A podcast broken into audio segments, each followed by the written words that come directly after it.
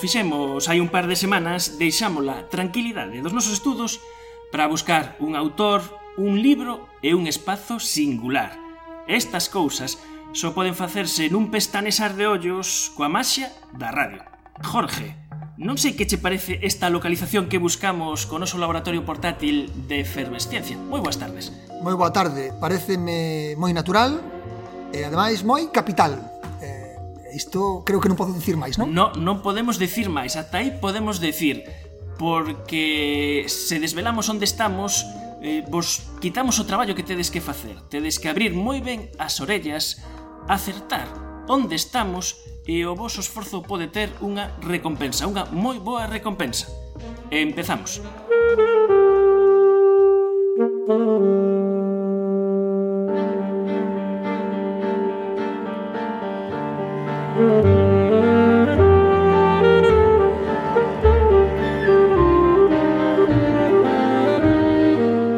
Un dos grandes divulgadores eh, científicos do país é, sen dúbida, Jorge Mira, catedrático de electromagnetismo da Universidade de Santiago.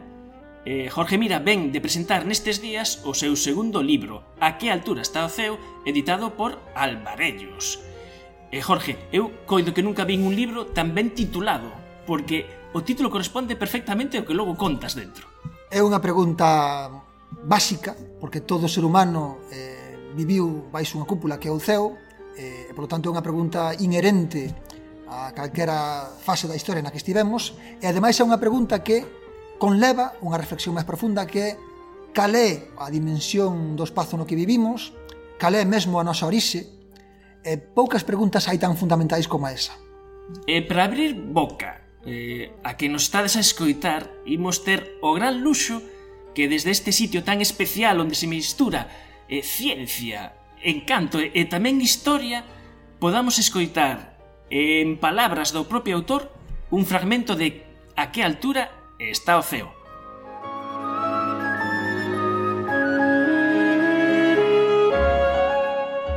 Posiblemente os homínidos dalgunha especie previa xa ergueran a cabeza de noite cara arriba ao percibiren a maravillosa visión do ceo estrelado. Ese espectáculo, que vos recomendamos encarecidamente, ademais da súa beleza, ten a gran virtude de inducir reflexións profundas sobre a natureza do universo. E seguramente a primeira sesa. A que altura está o ceo? Esa bóveda que cobre o noso mundo? Durante o día, se está despexado, podemos ver enriba de nós un tellado azul e, presidindo a escena, un sol amarelo. O sol en realidade é branco, e veríamolo desa cor se puidésemos sair da nosa atmosfera.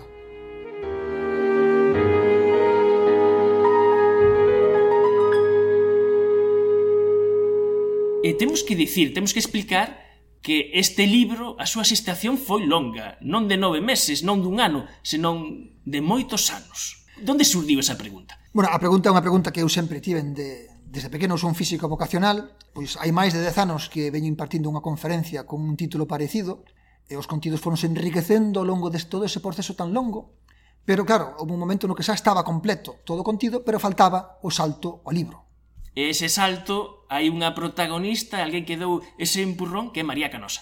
Sí, a miña compañera televisiva, eh, nos paróns das grabacións, pois ela andaba me pinchando, tens que sacar o libro, tens que sacar o libro, e ela, pois bueno, xa que estaba pinchando, dixenlle, pois oi, ti tamén vas ao barco, ela como é unha grandísima escritora no eido infantil e juvenil, fixo chegas moi interesantes, sobre todo para ter unha linguaxe o máis accesible posible, perfeccionou bastante o produto final, que ainda tivo que, que perfeccionarse máis con co tema visual, non? que tamén foi moi importante para nós. E aí está Dani Padrón, que é o ilustrador desta obra un dos grandes ilustradores de libros do, do noso país, eh, e teño que dicir que este libro rematou a súa parte de texto cando pasaba a sonda Novos Horizontes por Plutón, isto foi o 14 de xullo do ano 2015, e dende aquela ata agora, que pasaron como 6-7 meses, foi o proceso de maquetado de diseño dos debuxos, houve que estar traballando moi estreitamente con el para que os dibuxos fosen o máis claros posible, Eh, a, o aspecto estético traballouse moitísimo, eh, houve un traballo moi intenso e eh, eh, moi um, detallista para ter un produto que fose moi bonito á vista, que fose moi chamativo, que entrase polos ollos, e creo que o conseguimos, pero foi moi moi longo o proceso. Ata a tipografía me encantoume. Eh, é un libro que se, que se deixa querer, que é amoroso e coa vista, ademais é totalmente necesario, porque eh, algunhas das cousas que explicas neste libro, dos, dos conceptos, eh, necesitas ter unha visión espacial, ver esa xeometría, ver ese espazo, para entender o que estás a contar, porque senón eh, non chegas. Senón non chegas e hai que pensar en todo tipo de público que te estás a dirixir eh, non se deixou case ningún detalle, incluso a propia tipografía discutiuse moito, donde iba cada foto, cada ilustración colocada. Home, seguramente agora, pues, a, todo, a toro pasado, vemos algún fallo en algún sitio, pero traballouse ata, ata a extenuación. Sí. Eh, estamos, o, o dicíamos, nun sitio que conxugamos mm, ciencia, historia, ten moito encanto. Jorge deu pistas, eu coido que demasiadas para esta fase do que estamos a contar, E estamos a facer esta conversa nunha mesa histórica, que ten moita historia, unha mesa de madeira, un escritorio antigo estilo que ocupou, bueno, unha personalidade importante. Pero é curioso neste sitio que é novo e bello a vez, ten esas dúas dimensións, eh, cando este sitio estaba en plena actividade, aínda non sabíamos que había máis galaxias que a nosa pensábamos que estábamos na única galaxia. Isto que para nós é tan coteado, de decir, bueno, xa, a Guerra das Galaxias, isto é unha cousa de agora, como que en ti. O apartado histórico é algo no que facemos moito fincapé, efectivamente, a idea de galaxia que para nós é tan habitual, hai 100 anos prácticamente non existía na comunidade científica. É que ata o ano 1923 pensábase que todo o universo era a nosa Vía Láctea, ata que Hubble descubriu que había galaxias alén da nosa. Ademais, aí hubo unha controversia científica potente de, de xente eh, que decía que estábamos nunha única galaxia e xente que decía, pois pues, hai outras galaxias. É dicir, sí. eso non foi dun día para outro. Non, non, cando existía xa este lugar no que ti máis estamos, esta mesa na que ti máis estamos, de galaxias, nada. eh, facemos moito fincapé no libro, no percorrido histórico que tuvo. O libro, de feito, é un libro tamén que é un libro de historia. Eh, eh, intenta facer fincapé no feito de que a ciencia evoluciona moi rápido e, sobre todo, nos últimos tempos. Por exemplo, a idea de enerxía oscura, que é unha idea que permeou perfectamente ao común da sociedade e que parece que leva con nós moitísimo tempo, é unha idea do ano 2003. É dicir, descubriuse no ano 1998 que o universo se expande cada vez máis rápido e iso implicou que tiña que haber un motor, unha quinta esencia que empuxaba o universo para fora cada vez máis rápido. E daí saiu a enerxía oscura, pero isto un neno que naceu no ano 2002 naceu nun mundo no cal isto da enerxía oscura pois non se sabía o que era eh, non se sabía que porcentaxe supoñía do universo, entón pensemos como de radical foi ese cambio. Para min é este descubrimento de, de tres persoas que ademais foron premio Nobel de Física no, 2011, cambiou radicalmente a nosa visión do universo e isto foi hai tres telediarios. E, e é verdade, ademais, como eh, estas palabras xa se fan do uso común. Falábamos antes das galaxias, que todos decimos que hai moitas galaxias, o temos perfectamente asumido, bueno, igual que asumimos que a Terra é redonda, ben o contas, o, o contas no libro, pero, por exemplo, buratos negros, outra palabra que fomos asumindo, ahora enerxía escura, materia escura, eh, o que son ondas gravitacionais, pois probablemente de, de non ir nunca a falar delas, inda que a comunidade científica eh, si as viña eh, eh, estudando, de, polo menos de xeito teórico, desde hai décadas, desde hai un século, xa se incorporan ao vocabulario contía.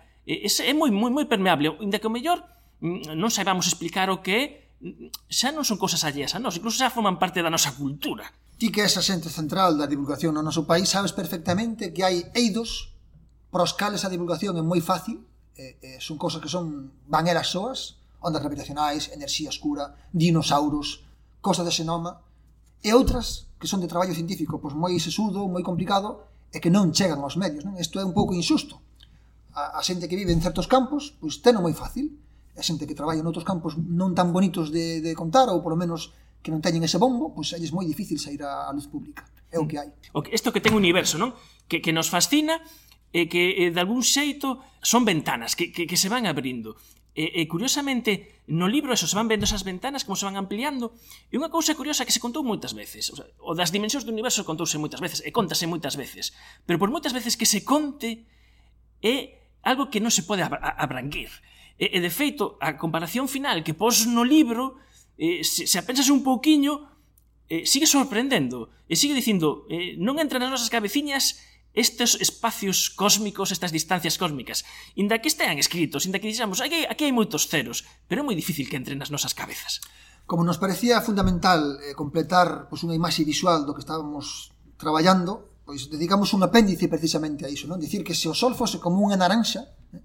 se o Sol fose unha naranxa de 15 centímetros, pois a estrela máis cercana, que sería pois, unha das do grupo de Alfa Centauri, sería outra laranxa situada en Moscú.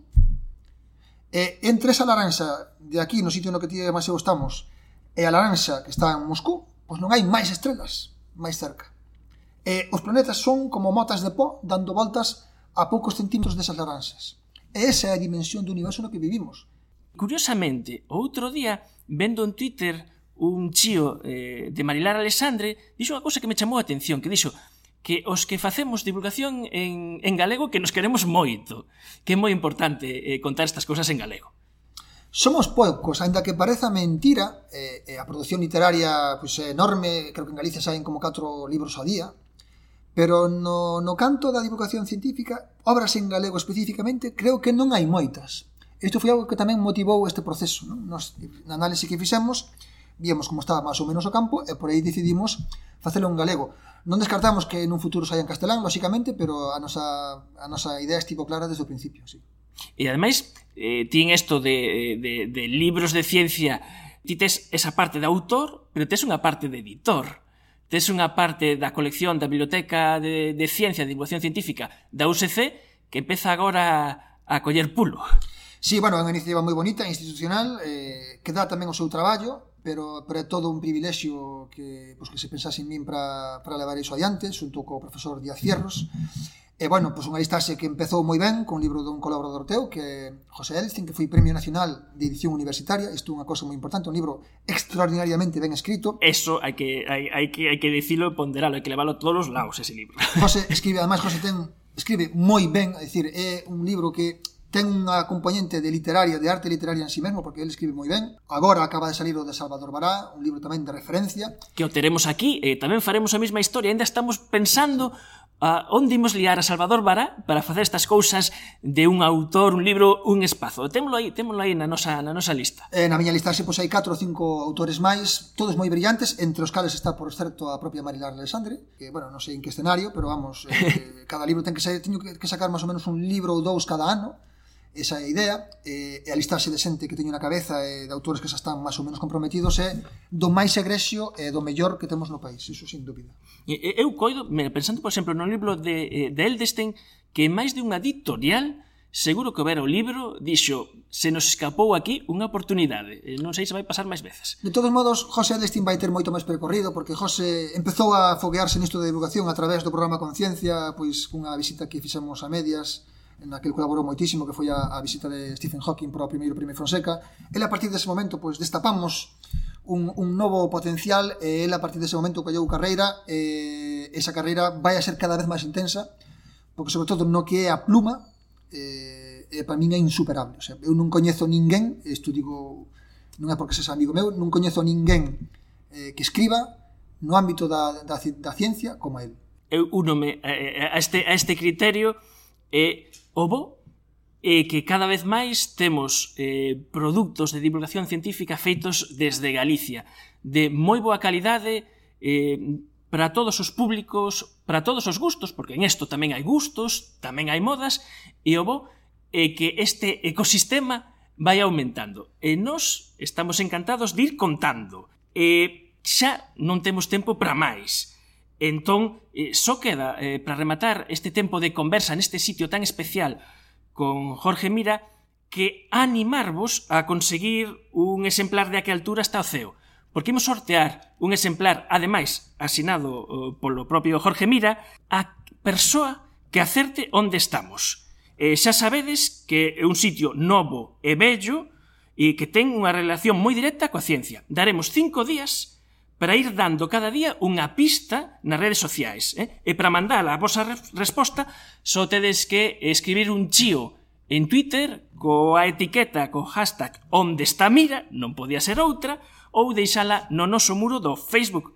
Eh, teremos de prazo hasta este venres. Eh, moita sorte a todos. Jorge, mira, eh, moitas grazas por acompañarnos. Moitas grazas eh, por esta efervesciencia destes minutiños. Moitísimas grazas, de verdade.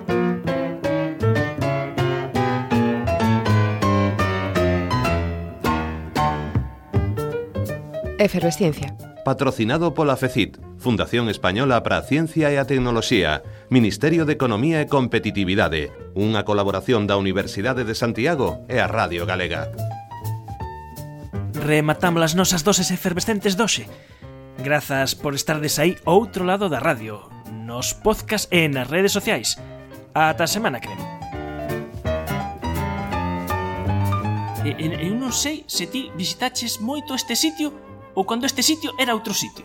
Eu visitei no cando este sitio era outro sitio, e tamén vivín bastante de cerca pois a estación deste outro sitio, ademais naceu pois case ao mesmo tempo que o programa Conciencia, dentro do punto de vista político, eh, organizativo e económico, eh, bueno, pois seguín moi de cerca como foi o embarazo deste novo sitio, que é moi bonito, con moito verde ao redor, é un sitio fermoso, non só dentro, senón que tamén fora.